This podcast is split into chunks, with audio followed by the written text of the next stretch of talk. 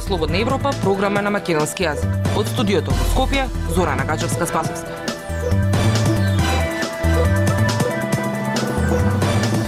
Почитувани, ја следите емисијата на Радио Слободна Европа. Во неа објавуваме барањето на премиерот Ковачевски за проверка на имотот на вработените во УЈП и Царина. За синдикатите е притисок врз штрајковачите што бараат повисока плата. Туристите кон Грција ќе патуваат ем долго, ем со препреки низ земјава. Неутрална зона или појасни инциденти? Е граничната линија меѓу Косово и Србија. Слушајте на. Независни вести и анализи за иднината на Македонија. На Радио Слободна Европа и слободнаевропа.мк. Откако премиерот Димитар Ковачевски побара проверка на имотите на вработените во Царина и управата за јавни приходи, нивните директори најавуваат засилени контроли. Ова барање на премиерот во време кога започнуваат штрајкови за повисоки плати, синдикатите го оценуваат како закана и притисок. Штрајкувачите во УЈП дадоа рок од 7 дена за исполнување на нивните барања. Во спротивно, ќе стапат во генерален штрајк. Деталите од Владимир Калински. Прво темелна проверка на имотната состојба на избраните и именуваните функционери, а потоа сеопфатна проверка и на вработените во администрацијата, реагираат синдикатите. Тие се збунети по изјавата на премиерот Димитар Ковачевски, кој откако почнаа штрајковите за повисоки плати на вработените во Царинската управа и управата за јавни приходи, ги повика директорите на овие институции да најдат модел за проверка на имотната состојба на нивните вработени.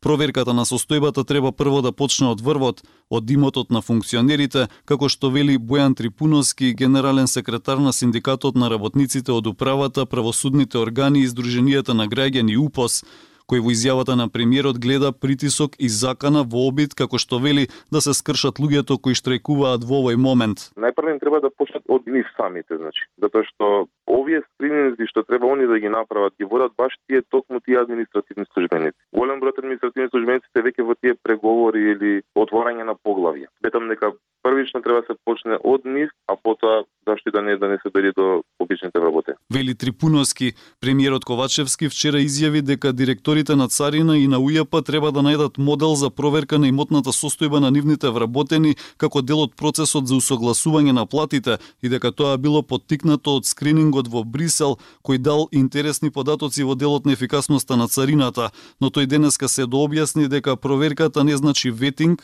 туку дека таа можела да се направи преку интерни постапки. Вработените во овие две институции од минатата недела започнаа да протестираат барајки повисоки плати за 30%. На изјавата на Ковачевски реагираше и ВМРО ДПМН. Опозицијската партија го обвини дека е неспособен да го реши проблемот со вработените во Царинската управа и управата за јавни приходи и дека преку изјави им се заканувал на вработените. Директорите и на Царината и на УЈП не гледаат проблем во изјавата на премиерот Ковачевски, па дури и најавуваат дека ќе ја спроведат законската обврска за проверка на имотите на вработените. Директорот на Царинската управа Стефан Богоев во одговор за Радио Слободна Европа вели дека разговараат за барањата за покачување на платите на вработените, но дека во периодот што следи ќе ги интензивираат и унапредат ваквите мерки како дел од борбата против корупцијата. Од управата за јавни приходи не ја коментираа изјавата на Ковачевски, но потврдуваат дека обврска за поднесување на анкетен лист имаат и вработените на УЈП според законот за спречување на корупција и судирот на интереси, Вработените во УЈП протестираат два часа дневно, а вработените во Царина од минатиот петок излегоа на предупредувачки протест со барање да ги добијат своите додатоци на плато од 30%.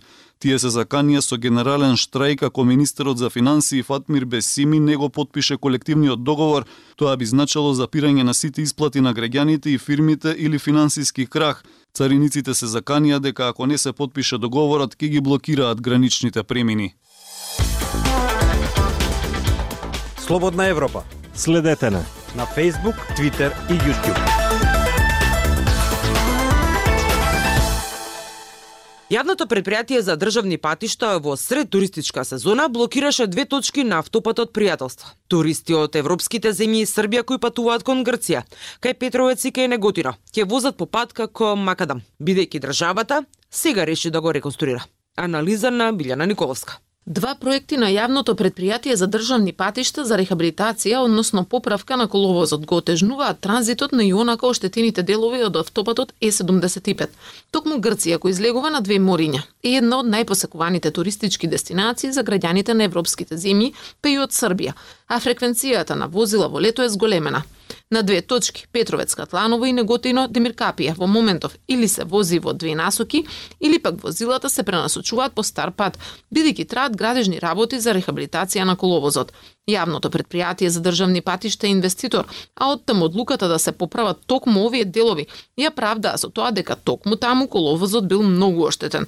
Но за професорот од техничкиот факултет во Битола, Стоимко Златковски, кој предава неколку предмети од сообраќајот, е зачудувачки што, на пример, делницата Катланово Петровец, која е вкупно 10 километри во две насоки, се реконструира веќе неколку години. Многу лоша. Се чудав луѓето, можно ли во ова време, во овој 21 век, таква земја транзитна која поврзува Европа со Грција, Грција е знаеме колку туристички развиена, да, дозвола, да, да, да дозволиме да се вози по такви небезбедни, би рекол, патишта, патишта кои, кои наликуваат на они од пред 50 години. Проектот за рехабилитација на двата правци од Петровец кон Катланови и обратно беше промовиран септември во 2020 година. На крајот од 2022 година министерот за транспорт и врски Благој Почарски констатираше дека биле изведени само 10% од договорот кој го имале со фирмата Бетон, па затоа го раскинале. По ова беше распишан нов тендер и работите ги доби нов изведувач, кој во април годинава започна со работа на патот но интензивна изградба со поголем број багери и работници може да се забележи од пред околу еден месец, односно токму пред стартот на туристичката сезона. Демиркапија Неготино е втората точка каде ЈПДП инвестира во модерен коловоз, па обновата на 15 километри пат почна пред стартот на летото. На 5 јуни на промоцијата на проектот кој ќе ја чини земјава 9 милиони евра, директорот на предпријатието за патишта Јуб Рустеми најави дека сепак следната туристичка сезона би требало да се вози по автопат во двете насоки, бидејќи очекува работите да завршат до април следната година. Сега возилата кои се обраќаат од Гевгелија кон Скопје кај Демиркапија се преносачуваат по стариот пат се до Неготино. Ваквиот начин на преносачување на возилата го отвори и прашањето и за безбедноста на сообраќајот. Од Министерството за внатрешни работи велат дека генералната оценка за безбедноста на деловите каде има поправки е поволна. Дополнително, за да се обезбеди поголема сигурност дека возачите ќе ги почитуваат сообраќајните ограничувања, Министерството распоредило повеќе припадници на сообраќајната полиција во овие делови. Радио Слободна Европа, светот на Македонија. Се додека влада е неказнива си неодговорност за лошото работење и се додека партиите поставуваат своји луѓе на раководни позиции, ки има ниска доверба во институциите, вели Марко Трошановски од Институтот за демократија, чие последно истражување покажува дека македонските граѓани имаат најниска доверба во судството, владата и собранието.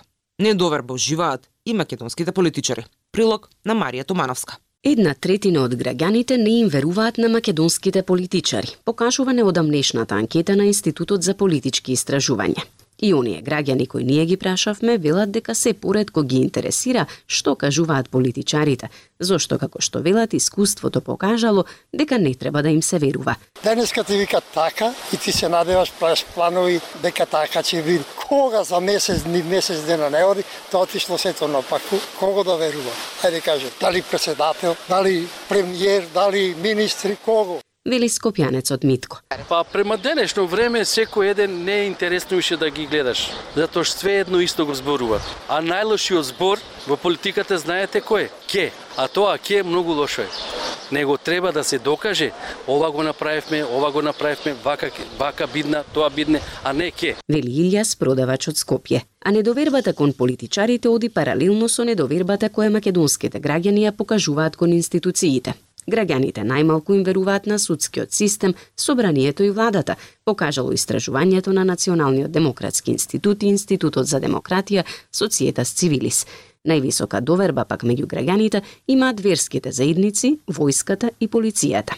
Недовербата во институциите е резултат на нивната партизираност, уверува извршниот директор на Институтот за демократија Марко Трошановски. Тоа е партизација на институциите додека се случува и начин на кој што се вработуваат луѓе во истата, односно луѓе кои што ги пополнуваат институциите, што им даваат живот на тие институции, се до тогаш луѓето ќе ги доживуваат како туѓи тие институции. Пред се се заснова на критериумот на мерит, на заслуга, на професионалност, дослова на кој што луѓето треба да бидат работување, макар и да бидат работувани, макар и да бидат од партија. Вели Трошановски. Перцепцијата на доминантен дел од анкетираните граѓани, односно дури 79 од 100 од нив, е дека пратениците се целосно или делумно зависни од волјата на лидерите на политичките партии од кои доаѓаат. Според учесниците на фокус групите, постои строга партиска хиерархија каде што повисоките елити се договараат, а другите спроведуваат.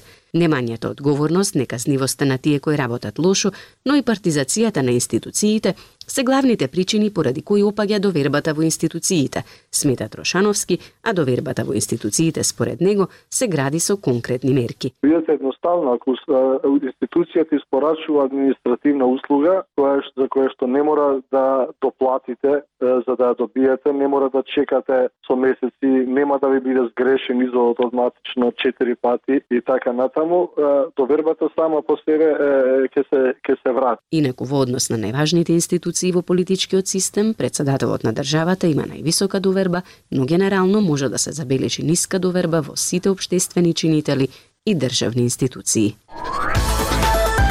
Актуелности свет на Радио Слободна Европа.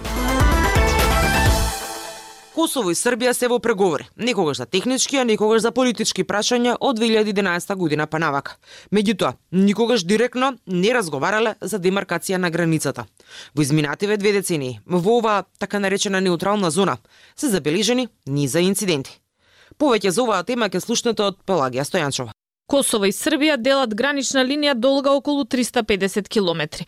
За 24 години од крајот на војната се случија неколку инциденти на овој простор кој е граница за Косово и административна линија за Србија.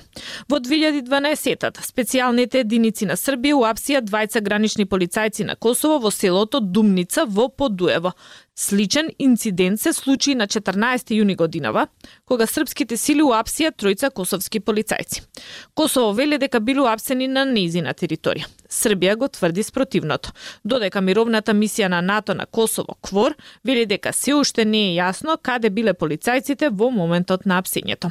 Во двата случаи, Србија тврдеше дека косовската полиција влегла на низина територија и дека нема право да биде во така наречената неутрална зона. Според српската страна, само членовите на мисијата на НАТО на Косово КВОР и српските сили имаат право да патролираат во неутралната зона меѓу Косово и Србија. Косовскиот премиер Албин Куртија обвини Србија за како што рече киднапирање на тројца полицајци на територијата на Косово. Косово и Србија официјално не го завршија процесот на демаркација на границата. Мисијата КФОР е одговорна за граничната безбедност на територијата на Косово од 1999 година, кога заврши војната. КФОР ја има оваа одговорност врз основа на Кумановско-воениот технички договор со кој заврши војната во Косово. Србија го подпиша овој договор со НАТО во 99-та, пошто ги повлече сите полициски и воени сили од Косово. Ниту квор, ниту косовските власти не одговорија на прашање на Радио Слободна Европа за тоа како се управува со неутралната зона меѓу Косово и Србија. Во двата случаи, и во тој во 2012-та и овој во 2023-та, при случај на апсење на косовски полицајци, Србија објави дека го прекршиле Кумановско-воениот технички договор, кој според официјален Белград дозволува вооружени патроли во неутралната зона 5 километри долж границата само за силите на квор и за силите на Србија. Србија. Косовскиот премиер Албин Курти изјави дека Србија го прекршила Кумановскиот договор, со кој на полицијата и војните сили на таа земја им се забранува влез на територијата на Косово. Косовската полиција патролира на границата меѓу Косово и Србија од незиното формирање во 1999 година. Во првите години по војната, патрулите се одвива во соработка со КВОР, мисијата на Обединетите нации УМНИК, а подосна и со мисијата ЕУЛЕК за владење на правото на Европската унија. Со прогласување на независноста на Косово Косово во 2008 Меѓународните институции како КФОР и ЕУЛЕКС постепено ја префрлија одговорноста за контрола на косовско-српската неутрална зона на косовската полиција. Сега полицијата има редовни патроли на граничната линија со Србија, но и со другите соседни земји. Тоа беше се што ви подготвивме за оваа емисија. Со вас од студиото во Скопје беа Зора Нагажевска Спасовска и Дејан Балаовски. До слушање.